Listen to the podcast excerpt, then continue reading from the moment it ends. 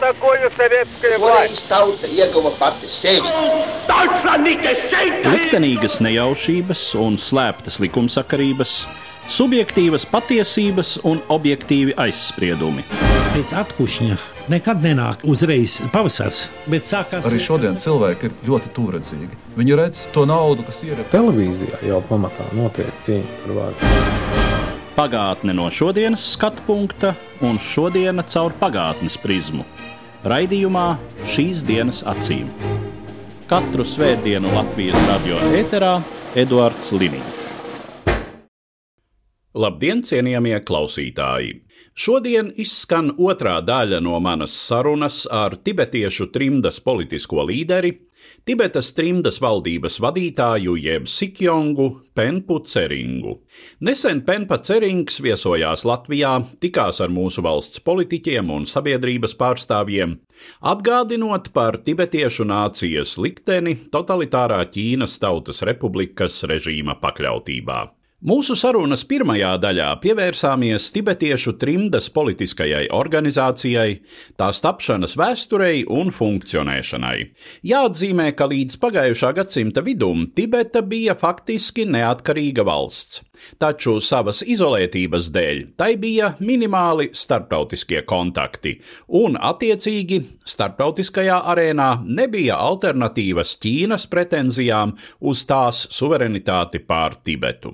1950. gadā vairākas desmitgades ilgušais pilsoņu karš Ķīnā beidzās ar Mao Dzeduna vadīto komunistu uzvaru.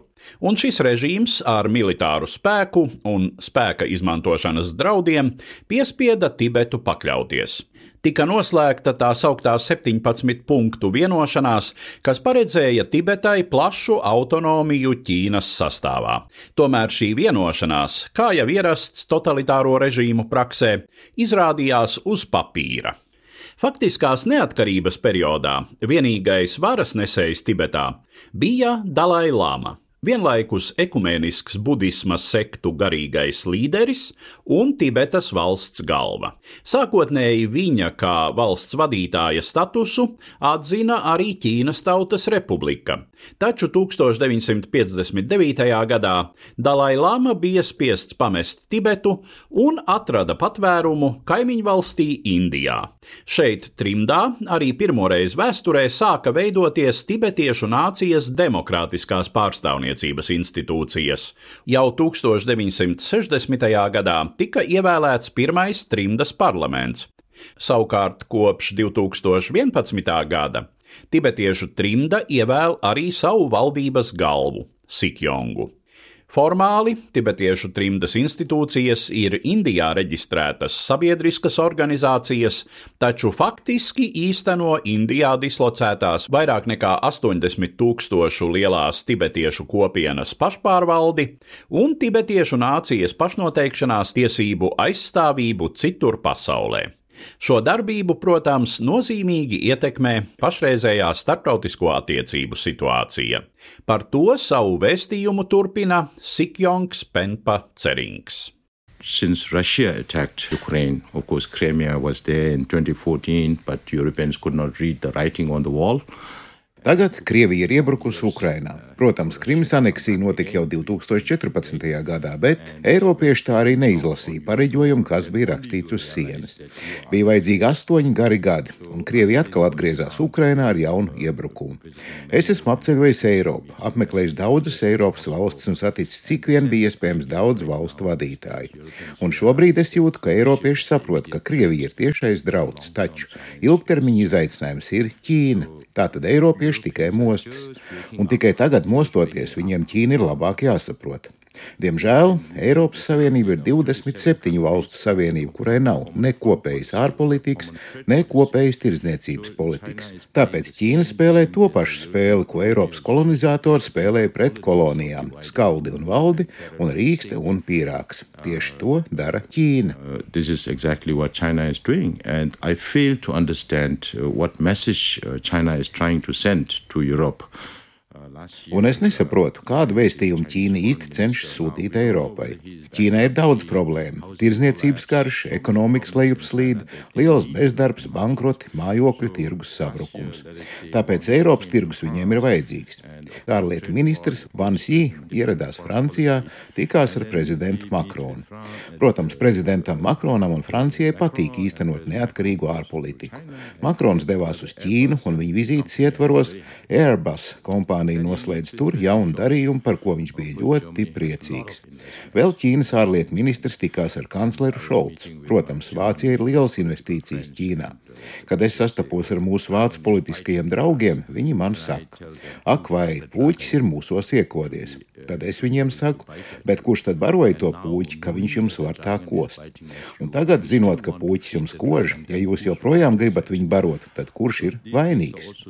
Vēl Vansjī apmeklēja Ungārijas premjerministru Orbānu, kur viņam tika izklāts sarkanais paklājs, un pēc tam devās pie prezidenta Putina, un tikmēr Ukrainā turpinās karš. Tad kādu vēstījumu Ķīna cenšas sūtīt Eiropiešiem? And now we see China's diplomacy going around. Uh, just last month, there was uh, the Minister of International Department, Liu Yongchang, speaking at the Council on Foreign Relations in the United States and saying we don't want to overtake United States and this and that, and, you know, but they are not addressing the main issues. Tagad mēs redzam, Ķīnas diplomātija darbojamies pilnā sparā. Vēl pagājušajā mēnesī Ķīnas kompartijas starptautiskās nodaļas vadītājs Liu Ciančao apmeklēja Savienotās valstis, uzstājās domnīcā Council on Foreign Relations un pauda, mēs negribam pārspēt Savienotās valstis un tā tālāk un tā joprojām. Bet uz svarīgākajiem jautājumiem jau viņi neatbild. Uzņēmēju vidū vairs nav pārliecības par ieguldīšanu Ķīnā, jo Ķīna pieņem ar vien bargākus likumus pret spiegošanu, datu drošības likumu, valsts noslēpumu likumu. Jūs ne par ko vairs nevarat būt droši, jo Ķīnas noteikumi un likumi ir ļoti neskaidri. Eiropas Savienība vēlas zināt, ko jūs saprotat ar likumu par valsts noslēpumu, kur ir sarkanā līnija. Cik zinu, Japānai ir liela ieguldījuma Ķīnā, un kādi 17 vai 19 Japāņu biznesa cilvēki jau šobrīd sēž Ķīnas cietumos. Ar Eiropas kapitāliem Krievijā situācija ir tāda, ka tos vairs nevar no turienes izvest. Viņi to neatļauj.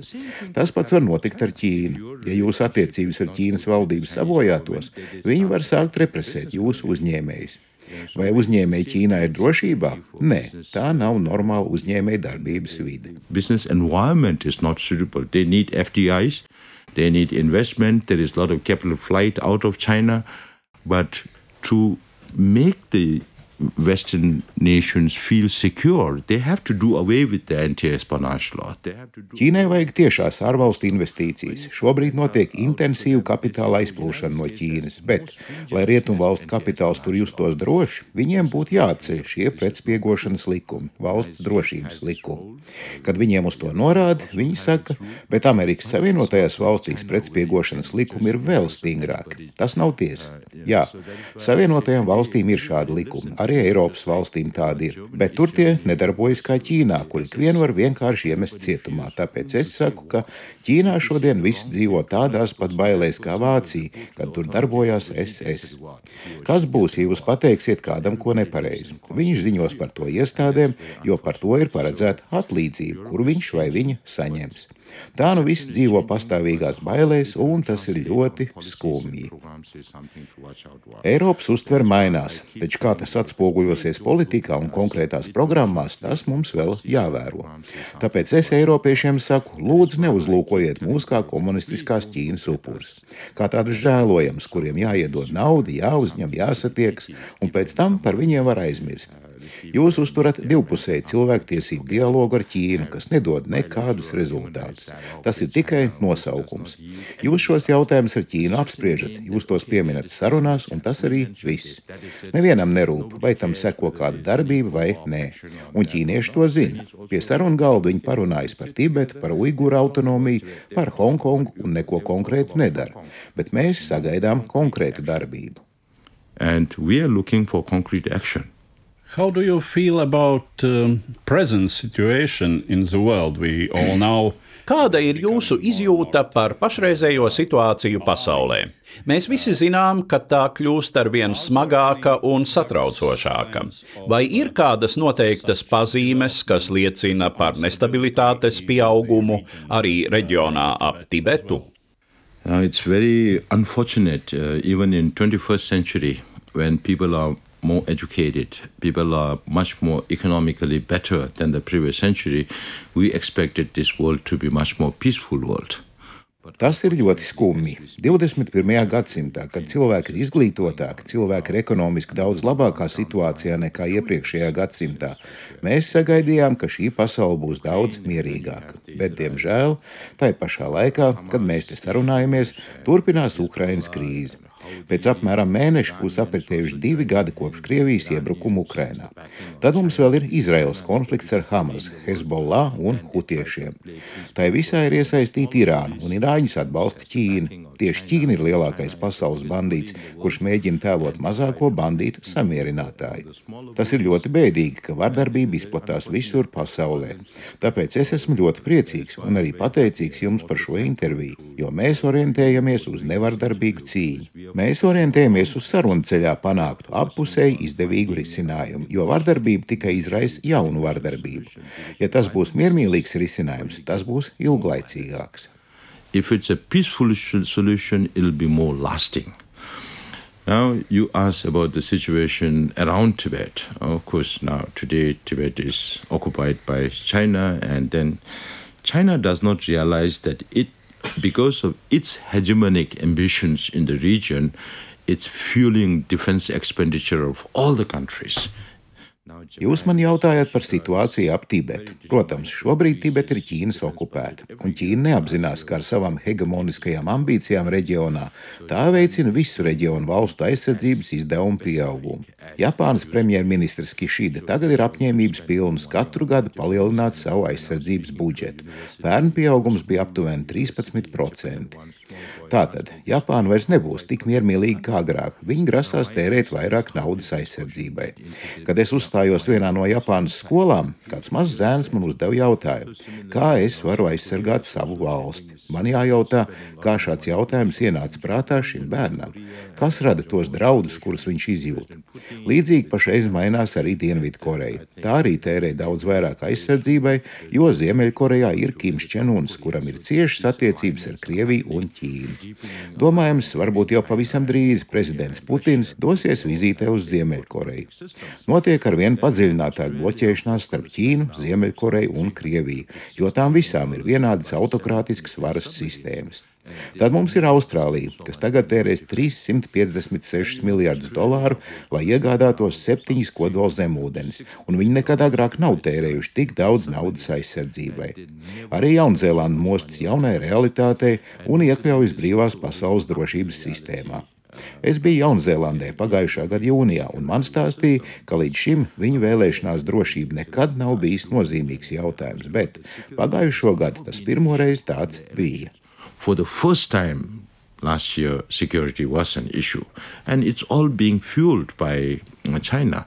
Now, Philippines has uh, better relations with the United States because the United States has an A base there.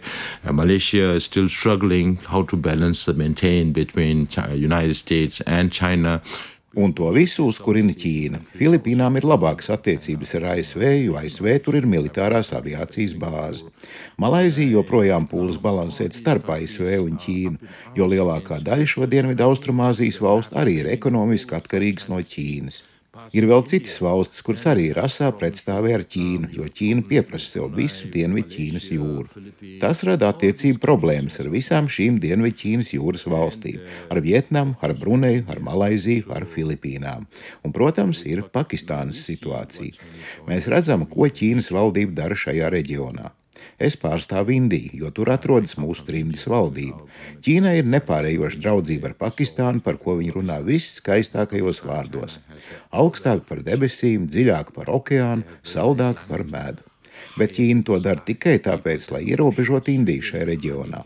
Nu jau daudzus gadu desmitus Indijas ārpolitikas centrā ir attiecības ar Pakistānu, konflikts Kašmiras dēļ.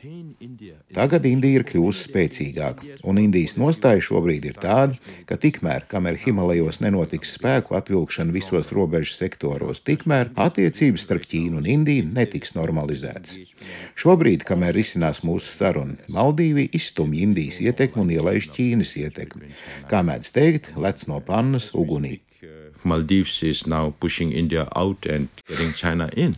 It's more like they're jumping from the frying pan into the fire cauldron. Nothing comes for free from China, creating all these dead economies. So, from the South China Sea to the Malacca Strait, uh, you have uh, Chinese uh, have overtaken some part of Sihanoukville port in Cambodia because uh, Cambodia is not able to pay back the debts. No Ķīnas nekas nenāk par velti. Tiek veidotas visas šīs parādu ekonomikas. Maršrutā no Dienvidķīnas jūras līdz Malakas šaurumam ķīnieši ir pārņēmuši daļu no Sianukvilas ostas Kambodžā, jo Kambodža nespēja atmaksāt parādus. Ķīna jau ir pārņēmusi Birmas kokosu salas, lai novērotu situāciju Bengālijas līcī. Ķīna ir pārņēmusi Hambantonas ostu Šrilankā, jo Šrilanka bankrotēja un nespēja atmaksāt aizdevumus. Tagad viņi ir pārņēmuši Gvadāras ostu Beluģistānā, Pakistānā, kas ir ļoti, ļoti strateģiska vieta, jo Ķīna attīsta Ķīnas-Pakistānas ekonomisko koridoru, izmantojot savu jostas un ceļa iniciatīvu un tērējot šai programmai 60 miljardus dolāru. Tagad viņiem būs pieeja Gvadāras ostai un visai Arābijas jūrai. Tad Ķīnas attiecības ar Irānu. Diplomātiskais apvērsums, kur veids Ķīna samierinot Saudārābiju un Irānu, un viss, kas ar to saistās. Tad viņi ir pārņēmuši ostas Džibutijā un daudzās citās Āfrikas valstīs, veidojot maršrutu caur Sarkano jūru uz Grieķiju. Arī Itālija bija ostas un ceļu iniciatīvas dalībniece, bet tagad premjerministra Meloni ir nolēmusi no tās izstāties, jo Itālijai tas nav izdevīgi. Tālāk. Ķīnieši ir pārņēmuši Sineses ostu Portugālē un visbeidzot nelielu daļu no Hamburgas ostas. Tas viss ir ļoti, ļoti strateģiski iecerēts. So it's very, very strategic because they call this the maritime Silk Road. And then you have the land Silk Road. So China is flexing its muscles. Now, as we speak, also China is talking about exporting their system of governance. Viņi to sauc par jūras zīda ceļu līdztekus atjaunotajam sauszemes zīda ceļam. Tātad, kamēr mēs šeit runājam, Ķīna vingrina savus muskuļus. Ķīna arī runā par savas pārvaldības sistēmas eksportu. Mēs dzirdam par Ķīnas globālo drošības iniciatīvu, Ķīnas globālo ekonomisko iniciatīvu, Ķīnas globālo kultūras iniciatīvu, kas viss ir daļa no civilizācijas iniciatīvas. Tātad Ķīna vēlas eksportēt savu autoritāro pārvaldības sistēmu pasaulē. Vai Eiropieši to vēlas, vai amerikāņi to vēlas, vai brīvā pasaule, jebkura demokrātiska valsts to vēlas, vai tomēr nē. Es šeit nerunāju tikai par Tibetu. Tas viss notiek daudz globālāk.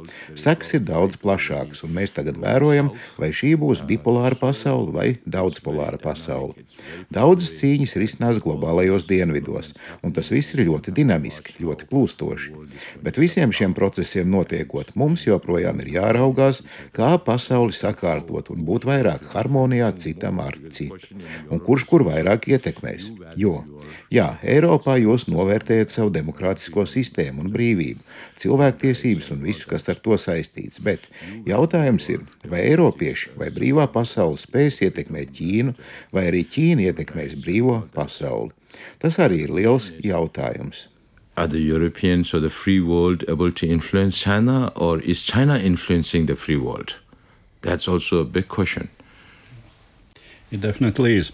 Finishing our interview, the last question I would like to ask. Uh, Nenoliedzami. Noslēdzot mūsu interviju, pēdējais jautājums, ko vēlos uzdot, ir par Tibetas iespējamās politiskās attīstības nākotnes perspektīvām. Kāds ir ilgtermiņa redzējums un līdz ar to arī jūsu ilgtermiņa politiskais mērķis? Kā tibetieši varētu īstenot savas pašnoteikšanās tiesības? First, we have to set history right. So Chinese government claimed that Tibet is part of China since antiquity, since time immemorial. Now we don't know when that is 500 years back, 1000 years back, 2000 years back, 5000 years back. We don't know what, what China is talking about. Vispirms mums ir pareizi jāsakārto vēstures jautājumi. Tātad Ķīnas valdība apgalvo, ka Tibeta ir Ķīnas daļa kopš senatnes, kopš neatminamiem laikiem. Bet nav skaidrs, cik sen tas īsti ir. Kopš 500 gadiem, kopš 1000, 2000, 5000. Mums nav skaidrs, par ko Ķīna runā. Viņi apgalvo, ka lūk, 7. gadsimtā Tibeta kļuva par Ķīnas daļu, jo Tibetas valdniekam bija ķīniešu princese par sievu. Tā ir. Bet tam pašam valdniekam bija otra sieva, kas bija no Nepāles. Tad jau arī Nepāla var pretendēt uz Tibetu. Šajā argumentā ir maz jēgas. Tagad viņi saka, ka Tibeta kļuva par Ķīnas daļu 13. gadsimtā, kad mongoļu Hans Hubilais iebruka Ķīnā un nodibināja tur Juaņu dinastiju. Bet mums bija attiecības ar Hubilai jau sen, pirms viņa iebrukuma Ķīnā. Mēs kļuvām par mongoļu garīgajiem skolotājiem, jo viņi līdz tam bija barbariski karotāji, kur slepkavoja visus, kas gadījās ceļā. Čingis Hans tā rīkojās, un bieži viņam padevās bez cīņas šī viņa armijas zvērīguma dēļ, un viņiem arī nebija nekādas reliģiskas ticības. Mēs ienesām mongoļu tautā mazliet civilizācijas. Pat šodien mūsu mongoļu draugi saka, reiz mēs bijām karotāji, bet jūs mūs padarījāt par budistiem, un mēs kļuvām mierīgāki. Savulaik ķīnieši apgalvoja, ka Tibeta kļuva par daļu no Ķīnas 18. gadsimtā. Tagad gan viņi to vairs nesaka. Tagad viņi saka kopš neatminamiem laikiem. And every country parrots say exactly what Chinese government want them to say. So they keep saying Tibet is part of PRC and all that. So now I tell the international community if you keep repeating that statement, you're going against international law because what's happening to Ukraine today or what happened to Tibet 70 years ago is the same international law. Un visas valstis kā papagaļi atkārto to, ko Ķīnas valdība vēlas, lai viņi teiktu. Tā nu viņi turpina teikt, ka Tibeta ir daļa no Ķīnas Tautas Republikas. Tāpēc tagad es saku starptautiskajai sabiedrībai, ja jūs pastāvīgi atkārtojat šo paziņojumu, jūs esat pretrunā ar starptautiskajām tiesībām, jo tas, kas šodien notiek ar Ukrainu, un tas, kas notika ar Tibetu pirms 70 gadiem, ir vienas tās pašas starptautiskās tiesības pēc otrā pasaules kara un apvienoto nāciju organizācijas izveidošanas izveidošanas. Jo mums ir tikai viens līgums ar Ķīnas Tautas Republiku, ar komunistisko Ķīnu, un tā ir 17 punktu vienošanās, kas arī mums tika uzspiesta ar varu un saskaņā ar starptautiskajām tiesībām nav spēkā kopš parakstīšanas brīža. Viņi saka, ka Tibeta ir daļa no Ķīnas Tautas Republikas, bet tad atkal viņi saka, ka atbalsta sarunas starp viņa svētību Dalai Lamu un Ķīnas valdību. Un mēs viņiem sakām, ka šīs divas lietas neiet kopā, jo Ķīna valda Tibetu ar dzelzs dūri. Un visa starptautiskā sabiedrība saka, ka Tibeta ir daļa no Ķīnas.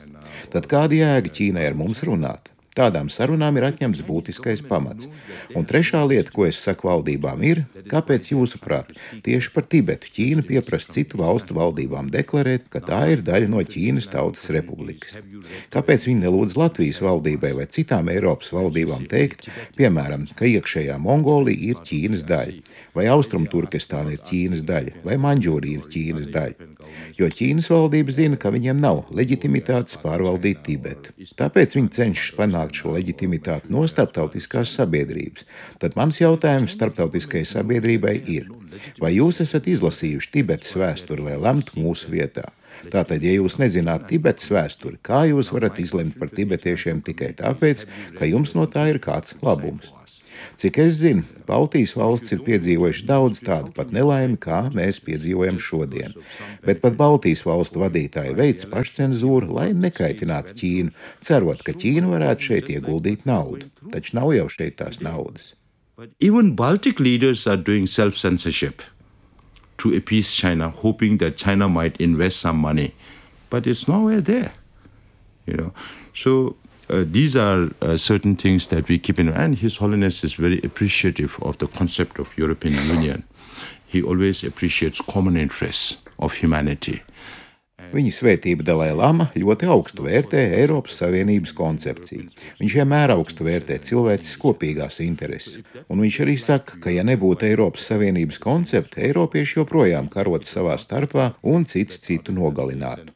Tātad Ja tas dara Eiropai, tad kāpēc gan to nevar piemērot tibetiešiem un ķīniešiem? Gribam vai negribam, mēs nevaram izcelt Tibetu no tās vietas un nolikt kaut kur pie Baltijas jūras, teiksim, jums kaimiņos. Mums arī turpmāk būs jāsadzīvo ar ķīniešiem. Tad kāpēc mēs kā kaimiņi nevaram dzīvot mierā viens ar otru? Kāpēc mums jādzīvo bailēs un vienmēr vienam ar otru cīnoties? Ja mēs vēlamies mierīgāku pasauli, mums arī ir zināmā mērā jāpielāgojas situācijai.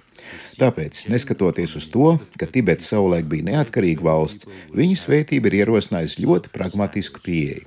Mūsu mērķis ir panākt tibetiešu tautai patiesu autonomiju, lai tibetiešiem būtu brīvi saglabāt savu valodu, attīstīt savu kultūru, kopt savu reliģiju, aizsargāt savu vidi un dzīvesveidu. Tas ir tas, pēc kā mēs tiecamies, jo Tibetas budismu kultūrai ir potenciāls izplatīt vairāk miera šajā pasaulē. Mēs pēc tā tiecamies, jo tas nestu arī vairāk miera visam reģionam.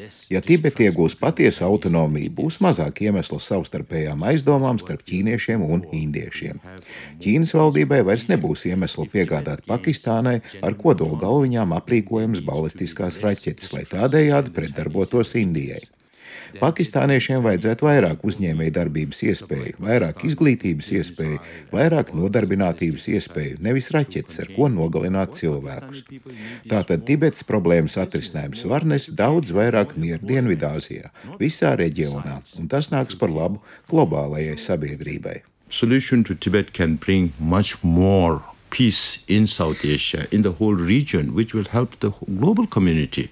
And Tibet's environment is very, very important.